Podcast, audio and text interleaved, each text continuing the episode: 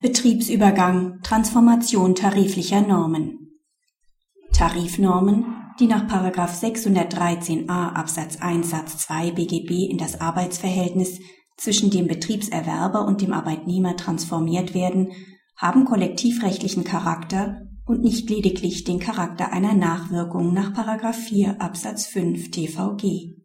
Es handelt sich hierbei um eine Rechtsprechungsänderung Arbeitgeber und Arbeitnehmer sind bei Abschluss des Arbeitsvertrags bei beiderseitiger Organisationszugehörigkeit an die Tarifverträge für die Sägeindustrie gebunden. Der Arbeitsvertrag sieht an verschiedenen Stellen vor, dass diese Tarifverträge in der jeweils geltenden Fassung Anwendung finden. Der Arbeitgeber schließt mit der IG Metall im Mai 2005 einen Sanierungstarifvertrag der einen vorübergehenden Entgeltverzicht der Beschäftigten vorsieht. Der Sanierungsvertrag hat eine Laufzeit bis zum 31. Dezember 2007. Er kann unbeschadet dessen von jeder Partei zum Monatsende gekündigt werden, ohne eine Nachwirkung zu entfalten. Der Arbeitnehmer tritt zum 30. Juni 2007 aus der Gewerkschaft aus. Am 1. Juli 2006 übernimmt ein neues Unternehmen sämtliche Beschäftigte im Wege des Betriebsübergangs. Die IG Metall kündigt den Sanierungsvertrag gegenüber dem Arbeitgeber zum 31. August 2006. Der Betriebserwerber rechnet das Arbeitsverhältnis bis zum 31. Dezember 2007 auf der Grundlage des abgesenkten Entgelts ab. Der Arbeitnehmer verlangt die Zahlung der Differenz zu den regulären Tariflöhnen. Die Klage des Arbeitnehmers hat Erfolg. Der Sanierungsvertrag galt für das Arbeitsverhältnis nur bis zum 31. August 2006. Im Anschluss daran richten sich die Arbeitsbedingungen dagegen nach den regulären Bestimmungen der einschlägigen Flächentarifverträge. Zum Zeitpunkt des Betriebsübergangs waren beide Parteien des Arbeitsverhältnisses tarifgebunden und somit auch an den Sanierungsvertrag gebunden.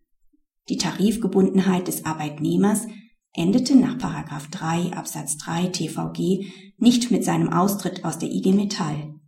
Mangels einer Tarifbindung des Betriebserwerbers wurden die Normen des Sanierungstarifvertrags somit nach 613a Absatz 1 Satz 2 BGB Inhalt des Arbeitsverhältnisses.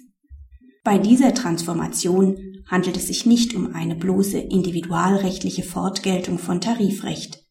Die transformierten Normen behalten vielmehr auch beim Betriebserwerber ihren kollektivrechtlichen Charakter bei. Der Erwerber wird an die entsprechenden Normen in einer Weise gebunden, die der Nachbindung des auf einem Tarif schließenden Arbeitgeberverband ausgetretenen Arbeitgebers nach 3 Absatz 3 TVG entspricht, allerdings zeitlich begrenzt auf eine Höchstdauer von einem Jahr.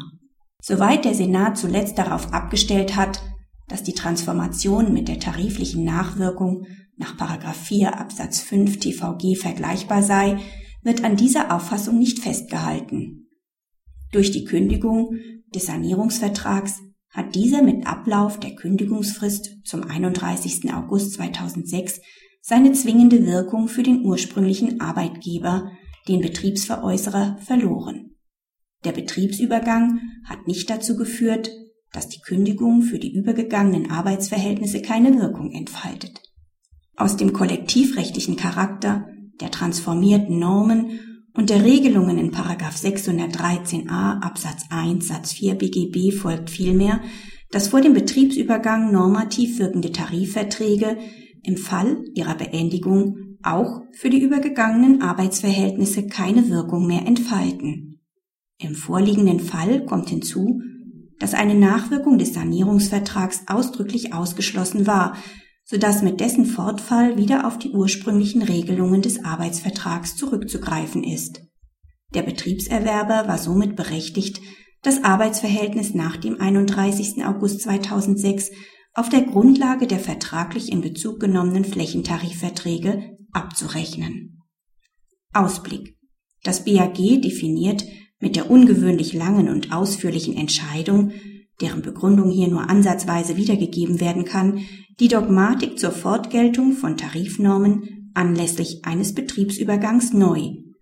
Der bisherigen Sichtweise dass solche Normen nach einem Betriebsübergang als transformiertes Individualrecht anzusehen seien, wird das Konzept einer kollektivrechtlichen Fortgeltung in Anlehnung an 3 Absatz 3 TVG gegenübergestellt.